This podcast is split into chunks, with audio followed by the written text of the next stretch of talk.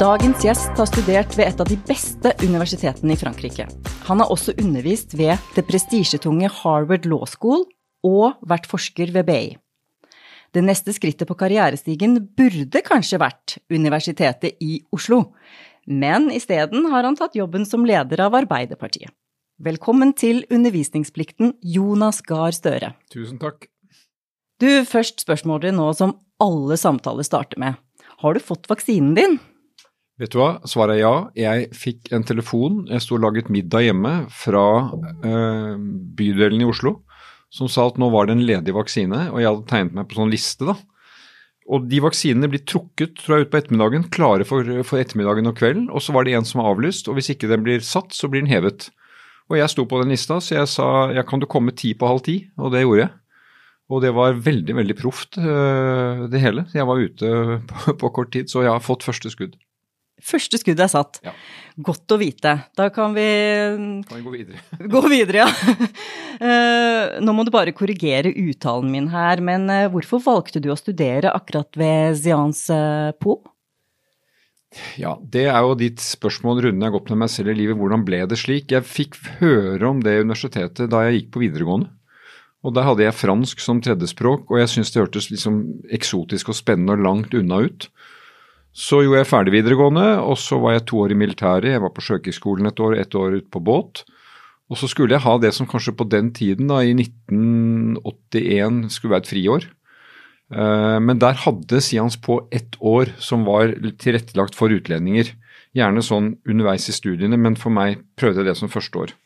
Så jeg kom inn der på ett år, og meningen å være ett år. Alternativ var en grunn bare å reise rundt i Frankrike ett år. Og i løpet av det året, da, jeg var dårlig i fransk, kunne det ganske skrint, så begynte jeg å få taket på det, og så syntes jeg det var eh, fascinerende da, være i Europa på den tiden og gå på dette universitetet. og det sjokket det var å møte en helt annen undervisningskultur. Så i løpet av året så bestemte jeg meg for å gå for liksom selve studiet, og da ble det tre år til. Ja, Kan du fortelle litt om den undervisningskulturen? Altså, Jeg kan fortelle om den uh, kort og langt, og jeg, jeg, jeg, er ikke sikker på om at jeg vil liksom skryte av den. For jeg ble ofte sagt at jeg refererte til Sciences Po som en skole, altså ikke et universitet. For det var veldig sånn klasser, fravær, Uh, veldig uh, fra lærer til elev, egentlig. Veldig sånn strengt med, med lekser og oppgaver og innleveringer og, og, og, disiplin. da. Så for meg var det en veldig overgang fra det friere systemet jeg kom med fra, fra Oslo. Jeg ofte sa det at Sjøkrigsskolen var liksom friere, mer liberalt enn Sians på på den tiden. men det var mye disiplin og mye fag, og en opplevelse av at du hadde et større pensumsfelt du måtte gjennom enn du kunne egentlig strekke over, så du måtte velge. Så du ble på en måte liksom drillet til det at her må du velge bort noe for å sitte igjen med noe annet. Og så var det jo veldig bygget på den franske formidlingsanalytiske eh, tilnærmingen da, med, med dialektikk. Eh, og, og, oppgaver og formuleringer, både skriftlig og muntlig, var basert opp på en sånn veldig strukturert måte å, å tenke på, med, en, med, med, et argument og et motargument og en konklusjon. Og, og formens tyranni opplevde jeg at det var, men det var jo en måte å, å, å drille tenkning på. da. Mm. I alle fag. Du måtte lære også å formulere deg eh, på bestemte måter eller innenfor bestemte tidsrammer? Ja, altså alle, Det er jo en form som er kjent ved det, ved det universitetet, og jeg tror det gjelder fortsatt. Nå har jo de gått over til å bli veldig sånn uh, europeisert, du har bachelor, master. Nå er halvparten av studentene der eh, ikke franske. Da jeg gikk der var under 10% ikke franske, så da var de jo veldig knyttet til det franske skolesystemet. Men formen er den samme, egentlig, med at du skal kunne formidle alle veldig mye drilling i muntlig fremstilling. Da er det ti minutter du har på alle typer temaer, om det er tekniske eller store historiske temaer, med en oppbygging, som jeg da sa, i to eller tre partier med underpunkter og sånn. Og det skriftlige skulle også være på samme måten.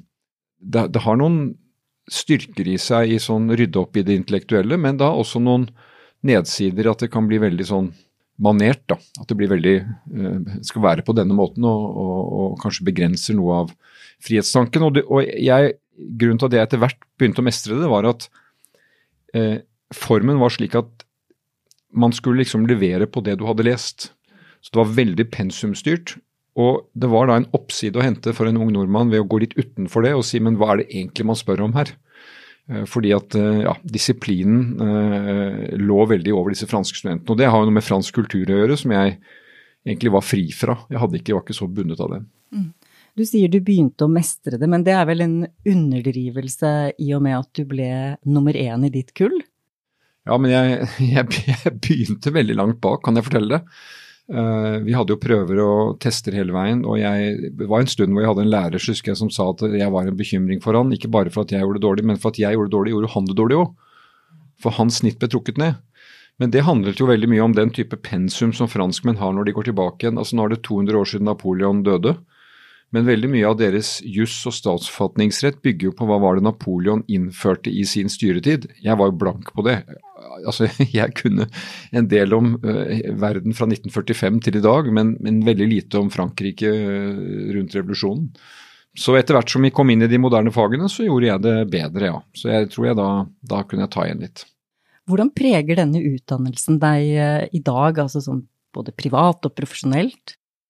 Ja, Nå er det jo lenge siden, da, vil jeg si. ikke sant? Det er eh, 40 år siden. Eh, når vi har dette opptaket i dag, 10. mai, det var det 10. mai 1981, det var det året Francois Mitterrand vant valget, den dagen han vant valget på. Og jeg kom i august, så jeg var jo med på den tiden, så det, det preget meg jo. men og jeg, og jeg, tror nok at en del av tenkningen og det å kunne liksom sortere ting og ta hva er viktig, hva er ikke viktig, det er jo det veldig mye av det det handlet om. Det har jeg med meg. Men det er jo, det er jo et kapittel i livet mitt som er langt bak, så har det skjedd veldig mye annet bygget oppå det igjen. Men jeg merker jo det at uh, fransken sitter der, selv om jeg ikke får brukt noe særlig i de jobbene jeg har hatt siste tiden. Da jeg var utenriksminister, brukte jeg det mye. Da jeg jobbet i Verdens helseorganisasjon, kunne jeg bruke det. I Røde Kors kunne jeg bruke det. Nå er det mer litt, litt fjernere. Men det ligger der nok der som en altså Jeg tror det som skjer med deg, det ser jo du også med studentene mellom når du er 20 og 25, det er fundamentalt for resten av livet. Ja, det er en det. enorm utvikling. Ja. Det er jo også sånn at um, jeg tenker litt på at i Norge så blir kanskje ikke den prestisjefylte utdanningen din verdsatt eh, så mye som den ville blitt f.eks. I, i Frankrike. Det vet jeg egentlig ikke. altså Skal den bli det, på en måte? Altså Jeg gikk fire år på universitetet i Frankrike. Uh, der har de jo, sånn som i Norge, referanser til hvilken utdanning du har tatt, men jeg har aldri tenkt så veldig mye på det. Det var kanskje litt mer da jeg kom hjem, husker jeg, og var ferdig der og skulle begynne å søke jobber og tenke meg rundt, så var det en, en frustrasjon at uh, ingen visste hva jeg hadde gjort. Og det var liksom litt rart fra, ut, fra utsiden. Men uh, jeg har ikke tenkt så mye på det. det er min, det, det er de årene jeg fikk. Jeg pleier å anbefale unge mennesker i dag å ta litt hjemme og litt ute. Altså den kombinasjonen som mange tar. Og for meg ble det jo da eh, litt, litt lite hjemme. Skulle jo gjerne kanskje ha tatt noe mer på, på et norsk lærested òg. Mm. Men du vil anbefale unge i dag å eh, studere i utlandet? Ja, altså jeg tror den anbefalingen, hvis du klarer å gjøre det, bruke tiden godt på det, at noe av utdanningen er fra utlandet, tror jeg er bra. For meg ble det jo et veldig viktig i mitt liv, da egentlig, for at jeg fikk sett landet mitt utenfra. Jeg pleier å svare på det, hvordan jeg ble, hvorfor ble jeg politisk engasjert, hvorfor landet jeg politisk der jeg gjorde eh, som sosialdemokrat. Og da viser jeg ofte til det at jeg så Norge utenfra.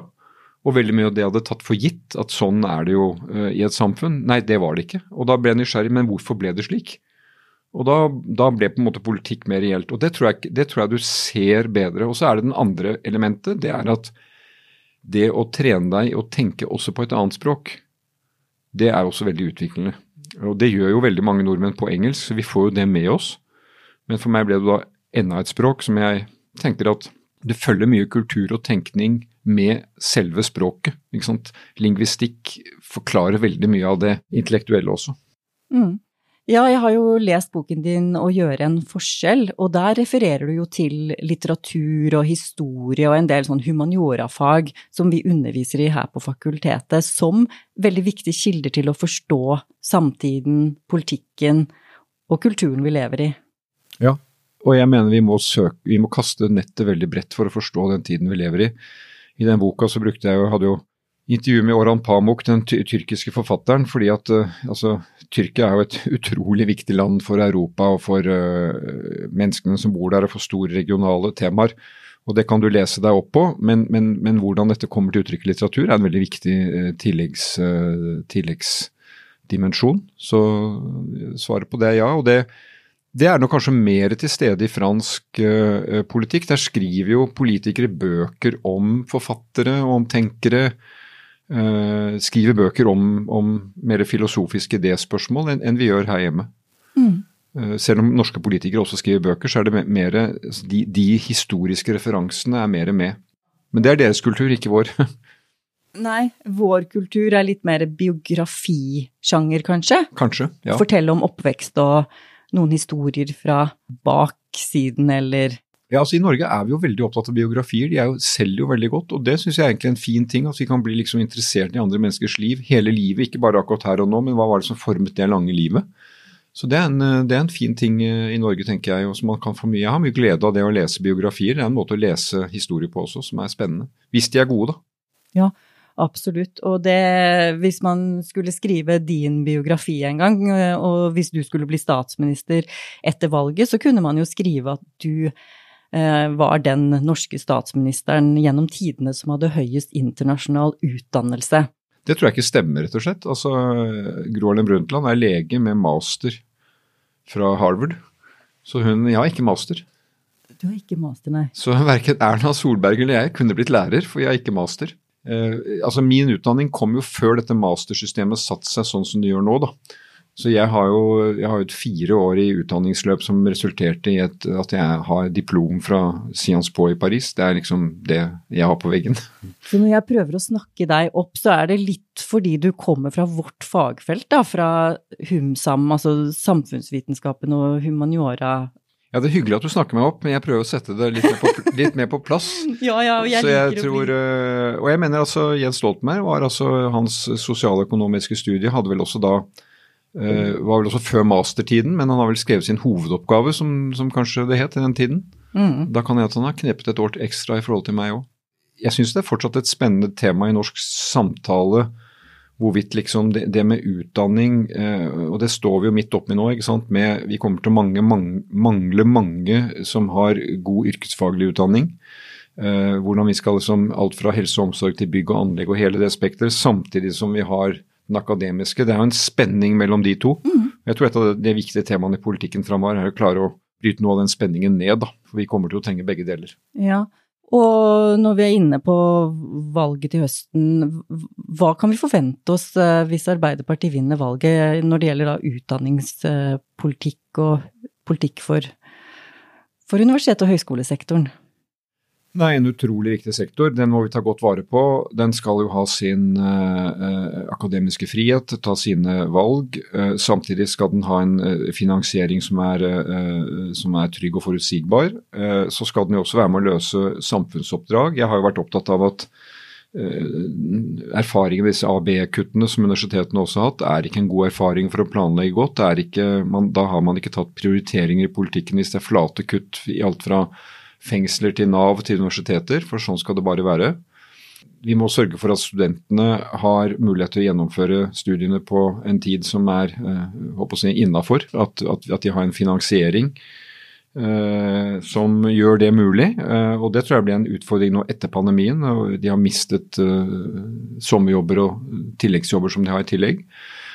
Og så tenker jeg at eh, jeg tror jo at vi står overfor noen veldig store oppgaver å løse i vårt samfunn, hvor vi må være flinkere til å få eh, politikk, eh, forskning, akademia, næringspolitikk eh, og eh, samspillet til å spille bedre sammen. Fordi verktøykassa vår bruker vi ikke godt nok nå. Vi skal halvere disse klimautslippene, vi skal digitalisere, vi skal gjøre store ting som ikke kommer til å skje av seg selv. Og jeg vil ha universitetene mer og mer på lag i det. Og en av de tingene vi har skrevet om her nå, det kommer nok til å bli en ganske spennende debatt med universitetene våre. Det er det vi kaller desentralisert utdanning. At det digitale gjør det mulig for disse flotte universitetene våre å gjøre undervisningen tilgjengelig også utenfor campus. Det må vi gjøre noe, noe, noe spennende ut av, fordi at Norge er så langstrakt som det er. Eh, og det gir muligheter flere steder i landet. Ja, for det er jo et stort spørsmål som vi alle liksom stiller oss nå. Hva skjer med høyskoler og universiteter etter pandemien. Eh, nå som vi har, har, hatt så mye digital undervisning og gjort eh, oss erfaringer som Altså, vi har jo gjort framskritt, eh, men det er jo fortsatt mye å hente i, i kvaliteten på dette. Og så, som du sier, det med desentralisert utdanning, det, det dere mener med det, er altså at vi som er etablerte aktører, skal bidra til um, ja, utdanningstilbud i distriktene gjennom digitale kanaler. Du vil ikke egentlig flytte små filialer eller små campus ut i distriktene? Nei, men jeg tror, at, jeg tror f.eks. at uh, i noen av yrkesutdanningene, fagutdanningene, så er vi tjent med at de skjer mer lokalt. At ikke unge mennesker som bor i et sted midt i Nordland må reise til enten Trondheim eller Tromsø for å få den utdanningen. Uh, altså det kan være en, Eller Bodø, da. men for Der kan det på noen områder være slik at de regionale behovene gjør, det, gjør, det, bra å kunne ta den utdanningen tett på. Så Der kan det være uh, aktuelt å ha sånne utdanningssentre. altså type, Jeg tror du, du har det i Kristiansund, hvor Ålesund bidrar, slik at ikke alle fra Kristiansund må dra til Ålesund. Og Jeg refererer ofte eksempel med en, en kvinne jeg møtte i Tana, som jo er en liten kommune, hun tok sin bachelor, og det gjorde hun ved Oslo OsloMet, fra Tana. Uh, men skulle hun gå videre og ta master, så måtte hun flytte med mann og barn. Og det det, det er til ettertanke. Er det riktig? Eh, klokt? Altså Det er bra for Tana at hun kunne være med den kompetansen. Eh, og Ser du på universitetene i, ute nå, i USA og andre steder, så har jo altså et, de amerikanske universitetene har jo mye flere studenter utenfor campus enn de har på campus. Stor, det er blitt en stor virksomhet. Vi må finne vår norske vei, for vi har våre gratis eh, fellesskapsfinansierte universiteter, og det er bra. Men jeg tenker også en del av samfunnsoppdraget kan være dette med å både på det digitale og også på ressurser kan bidra til at liksom hele landet vårt tas i bruk. Ja, du nevnte gratis. Hvor viktig tror du det er eh, at utdanning er gratis i Norge? Jeg tror det er veldig viktig. Uh, altså vi snakket om Frankrike nå. Jeg betalte 500 kroner i året for å gå på Sians på. Da var det sånn i Norge. Det var en studieavgift, og for det fikk du også helseforsikring. Og da jeg fikk akutt blindtarmbetennelse siste året, så var det ti dager på sykehus betalt den veien. Nå koster det masse penger å gå der. Og det er klart at uh, den norske modellen igjen som gjør utdanning tilgjengelig for alle, tror jeg er utrolig viktig for veldig mange andre forhold. Det kan være behov for å se på utdannings, altså finansieringsmodeller og sånn videre, men vi har i Arbeiderpartiet holdt veldig fast ved det. At det prinsippet skal vi slå ring om. Eh, våre partifeller i Storbritannia gikk jo andre veien, åpnet for eh, å, å ta inn eh, betaling.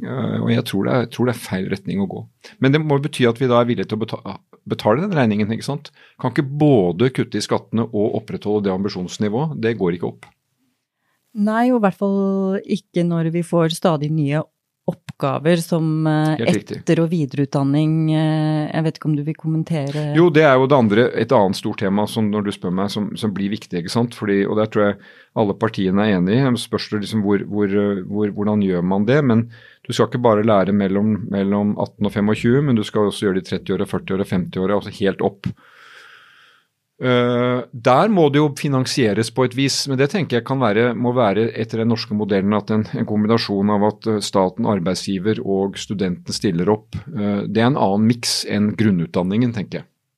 Absolutt. Et annet tema er jo arbeidslivsrelevans og hvorvidt studier på um, universitetsnivå innenfor samfunnsfag og, humaniora, da, som vi driver med her på fakultetet, skal liksom måles og finansieres etter um, arbeidslivsrelevant. Og kvaliteten på utdanningene er jo veldig viktig, og det, vi leter jo stadig etter indikatorer på kvalitet.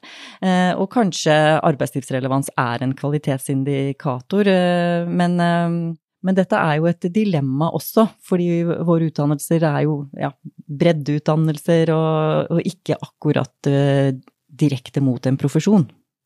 Nei, men Er ikke det igjen en søkning etter en type kompromiss, en balanse her? ikke sant? Du skal ikke være fullt ut sånn utilitaristisk og du skal ut etter levere akkurat den utdanningen. Det er ikke en profesjonsutdanning. Det har ikke jeg heller. altså Mine fire år, altså det er sosialøkonomi og historie uh, som var de to bærebjelkene mine, men jeg er jo ikke blitt det. Uh, så det tror jeg er viktig å hegne om. Men jeg syns samtidig at man må jo over tid se uh, hva bruker unge mennesker den utdanningen til? Hva fører den til? Hva kan man ta av signaler fra det? Så det å speile en utdanning opp mot hva menneskene tar, eh, tar det med seg ut i arbeidslivet, bør jo ha en sånn eh, tilbakeeffekt da, i måten vi lærer av det. ikke sant? At eh, er, dette, er vi skodd for det? Jeg var jo kritisk til Sians på på slutten, for jeg følte at mye av det vi hadde i en del økonomifag var ikke anvendbart der ute til å forstå hva som skjedde i, i økonomien. Det de gjorde der, som jeg bidro til å gjøre det bedre, var at de hentet ganske mange fra det operative samfunnet inn i universitetet. Og det har jeg aldri helt skjønt hvorfor ikke norske universiteter gjør eh, mer av. rett og slett. Jeg, jeg, forstår ikke hvorfor ikke man tester opp alt det akademiske studiearbeidet mot uh, levd erfaring. Det er uh, faktisk noe vi gjør en del av uh, på uh, bl.a. medievitenskap, mitt fag. Og eh, det vi snakker om det som, det er at vi bruker alumner eh, ofte som forelesere, gjesteforelesere. Og de jobber ofte i veldig relevante bransjer og kan, som du sier, teste pensumet vårt, teste teoriene våre, diskutere det og gjøre stoffet mer levende for studentene, og det får vi veldig gode tilbakemeldinger på. Så det er absolutt en Jeg er enig med deg i at det er en god Um, altså jeg, jeg, jeg, jeg, tror, altså Balansen er jo det at universitetet er eh, akademia, men Eh, men, men, man kan utfordre akademia og utfordre levd erfaring begge veier. Jeg husker jeg hadde en kontakt av utenriksminister som var rådgiveren til den franske presidenten. Det var Sarkozy på den tiden, så det var den borgerlige siden. Jeg var sosialdemokratisk utenriksminister, men vi hadde god kontakt. Så gikk han av i 2012, veldig erfaren.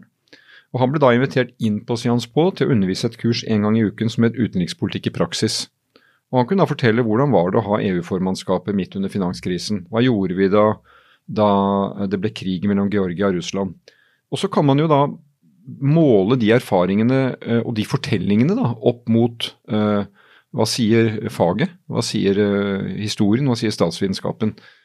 Jeg har vært invitert på å gjøre det noen ganger selv uh, her på Universitetet i Oslo, og også noen andre steder. Jeg, jeg, tror det er, og jeg til og med ble invitert tilbake til Harvard for, for, for å fortelle om delelinjeforhandlingene med Russland. Hvordan forhandlet dere de med russerne? For jeg har jobbet jo da med forhandlingsteori på Harvard Law School. Eh, og det tror jeg gjør faget mer spennende, da. Mm. Ja, det tror jeg også. At det kan være en berikelse begge veier. Altså en faglig tilleggsverdi å invitere inn eh, gjesteforelesere. Og, og, som du sier, du har selv opplevd det, og det gir jo også noe for gjesteforeleseren. Ikke sant? Det, absolutt, absolutt, det vil bli gjensidig ja. ja. Så det, dette er en veldig god idé som, eh, som vi, vi, jobber faktisk med å få til mer av det slaget her på fakultetet.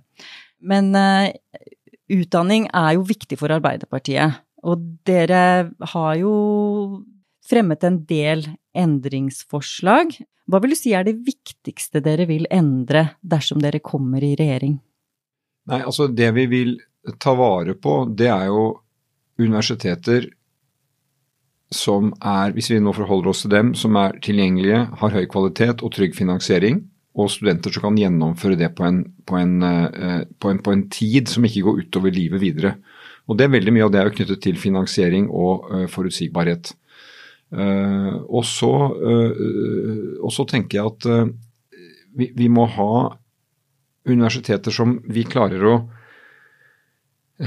jeg håper å si, kommunisere med gjennom politikken og hva er de store oppdragene og oppgavene vi skal løse.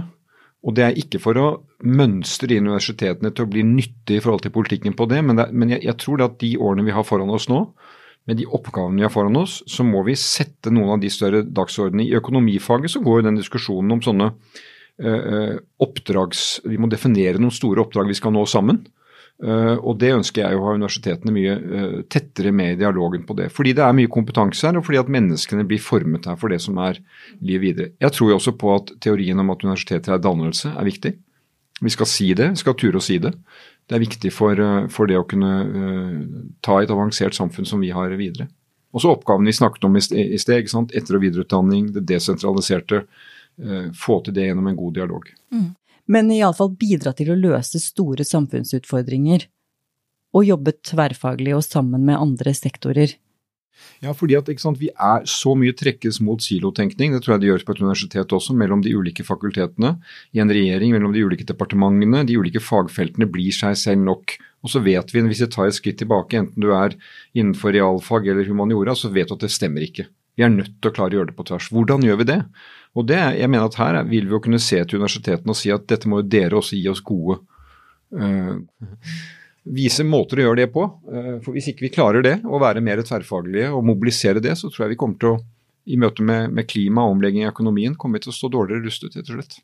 Eh, ja, og det blir jo spennende med valget til høsten. Og jeg syns også det er alltid veldig spennende med statsrådskabaler. Eh, og dere i Arbeiderpartiet har vel ikke hatt kunnskapsministeren nå på 20 år? Nei, det er riktig. Eh, er utdanning så viktig for dere at dette er en posisjon dere kommer til å ville ha? Ja, det vil jeg si. Det bør ikke bety at det er slik det ender, men svaret på det er ja. Det mener jeg vi absolutt skal ha ambisjon om. fordi utdanning, hvis du ser på hele, altså Vi hadde jo for 50 år siden så var jo ingen Arbeiderpartiets ledende politikere hadde universitetsutdanning. Og da hadde de ett mål, det var at det skal arbeiderbevegelsens barn kunne få. Og det har langt på vei skjedd. Men fortsatt er det store oppgaver igjen for å gjøre uh, det akademiske miljøet inviterende, uh, få mennesker med. Det er en del av fellesskapet vårt. Så svaret på det er ja, det er veldig veldig viktig. Så jeg skulle veldig, håper veldig at vi, kan, uh, at vi kan få til det. I alle fall at politikken vår kommer til å synes der. Ja, og da gjenstår det bare for meg å si tusen takk, Jonas Gahr Støre, for at du kom hit til HF-fakultetet og til undervisningsplikten. Hyggelig å være her. Veldig spennende samtale, og lykke til til dere. Så håper jeg vi ses igjen i nye sammenhenger. Ja, lykke til med valgkampen, og vi ses garantert igjen.